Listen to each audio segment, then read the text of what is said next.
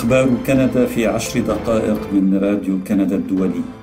معكم فادي الهاروني وأهلا بكم في حلقة البودكاست الأسبوعية وإليكم العناوين.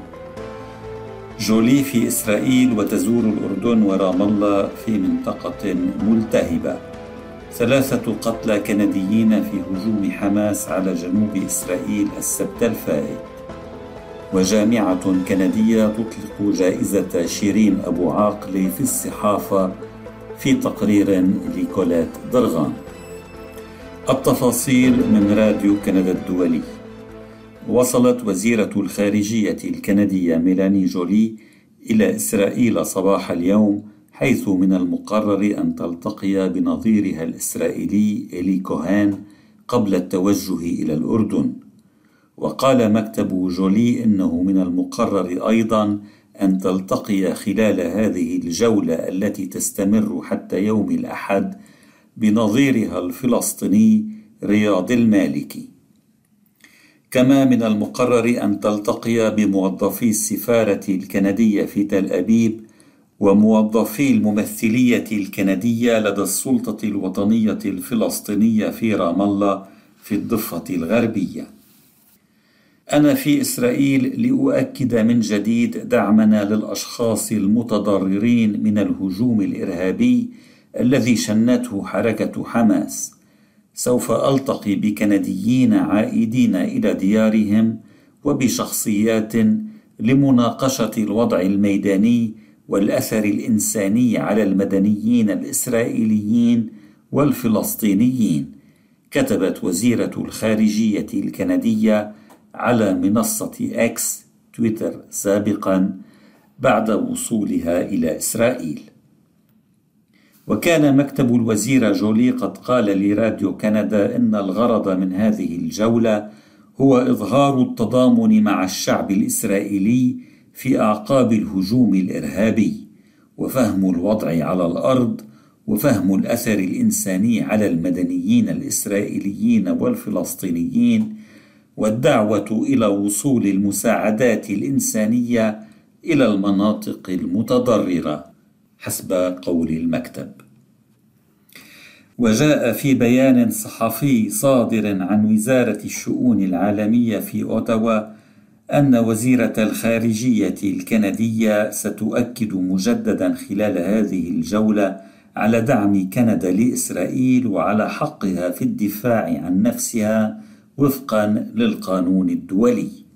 يمكنك الاشتراك في أخبار كندا عن طريق زيارة موقعنا على الإنترنت راديو تريدونيون كندا RCI وتوقفت الوزيرة جولي في مطار أثينا في طريقها إلى مطار تل أبيب. وعلى جدول أعمالها أيضا لقاءات في هذين المطارين مع المواطنين الكنديين والموظفين الدبلوماسيين الكنديين الذين يساعدونهم في رحلة العودة إلى كندا. وبدأت طائرات نقل عسكري تابعة للقوات المسلحة الكندية منذ يوم أمس بإجلاء المواطنين الكنديين والمقيمين الدائمين في كندا من مطار تل أبيب إلى مطار أثينا. وفي العاصمة اليونانية يستقل القادمون من إسرائيل طائرات للخطوط الجوية الكندية للعودة إلى كندا. ووفقا لوزارة الشؤون العالمية هناك أربعة آلاف ومئتان وتسعة وأربعون كنديا مسجلون في إسرائيل وأربعمائة وستة وسبعون آخرون في الضفة الغربية وقطاع غزة الذي تقصفه إسرائيل بشدة وتحشد قواتها على حدوده. يشار إلى أن حكومة جوستن ترودو الليبرالية وبعد إدانتها بشكل قاطع هجوم يوم السبت الفائت الذي شنته حماس على إسرائيل وقتلت فيه مئات المدنيين هي أكثر ترددا في انتقاد الحكومة الإسرائيلية على قصفها المكثف والواسع النطاق على قطاع غزة الذي يقيم فيه أكثر من مليوني مدني فلسطيني. ويوم أمس تجنب ترودو ردا على أسئلة متكررة من وسائل الإعلام تجنب وصف الحصار الشامل الذي تفرضه إسرائيل على قطاع غزة بأنه مخالف للقانون الدولي. على الرغم من إدانة منظمة الأمم المتحدة لهذا الحصار.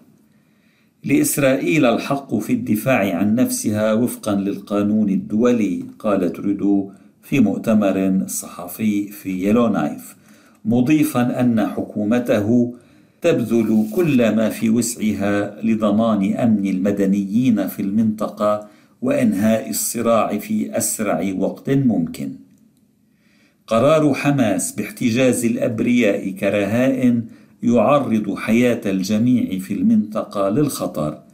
أضاف ترودو الذي حرص على القول إن حماس لا تمثل الشعب الفلسطيني ولا تطلعاته المشروعة ولا تمثل العرب ولا المسلمين. وكان ثلاثة كنديين قد قتلوا في هجوم حركة حماس على جنوب إسرائيل نهاية الأسبوع الماضي.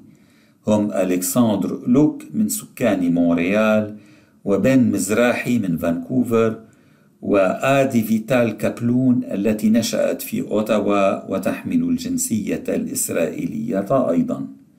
وكان لوك ومزراحي من بين حوالي 260 شخصا لقوا حتفهم صباح السبت الفائت في موقع مهرجان سوبر نوفا الموسيقي في جنوب إسرائيل بنيران مقاتلين من حماس جاءوا من قطاع غزة المجاور.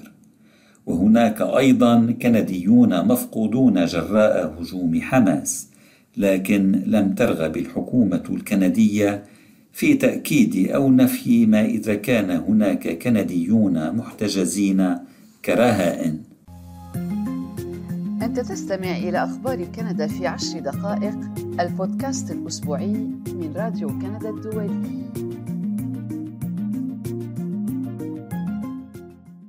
أدان توني أبو عاقلي عملية القتل التي تستهدف المدنيين على يد كتائب عز الدين القسام الجناح العسكري لحركة حماس. قال بدين أي عمليات قتل للمدنيين هذا شيء مش مزبوط ولكن إحنا كفلسطينية موجودين تحت احتلال. بعتقد إنه الاحتلال هو المسؤول عن كل هذا الإشي اللي بيصير. مش مش مثل ما بتصوروا الصحافة الأجنبية والغربية إنه نحن إرهابيين أو بتصور حركات المقاومة كإرهابية. تحدث أبو عاقل في لقاء مباشر من القدس مع القسم العربي بعد عودته من العاصمة الكندية أوتاوا حيث شارك نهاية الشهر المنصرم في حفل إعلان كلية الصحافة والاتصالات في جامعة كارلتون العريقة عن تخصيص جائزة سنوية تحمل اسم شقيقته شيرين أبو عاقلة قيمة الجائزة خمسة آلاف دولار وتمنح للطالب صاحب أفضل مشروع صحفي يتناول العدالة الاجتماعية. تكرس الجائزة بذلك مسيرة المراسلة الصحفية الفلسطينية التي كانت تحمل الجنسية الأمريكية وتعيش في القدس. يذكر رئيس كلية الصحافة في الجامعة الكندية ألان تومسون بأنه خلال تعرضها للرصاص كانت شيرين ترتدي سترة واقية من الرصاص وخوذة وتحمل علامة الصحافة بوضوح. وتابع الصحفي الكندي السابق بالقول نحن مدينون لشيرين أبو عاقل لمساهمتها على مر العقود في فهمنا الجماعي لما يعنيه العيش تحت الاحتلال. على العود قدم المؤلف والملحن الفلسطيني المقيم في مونريال عبد الوهاب الكيالي رائعة العودة التي كتبها خصيصا لروح شيرين أبو عاقلة وبوحي من مسيرتها التي انتهت باستشهادها في سبيل الكلمة على حد تعبيره.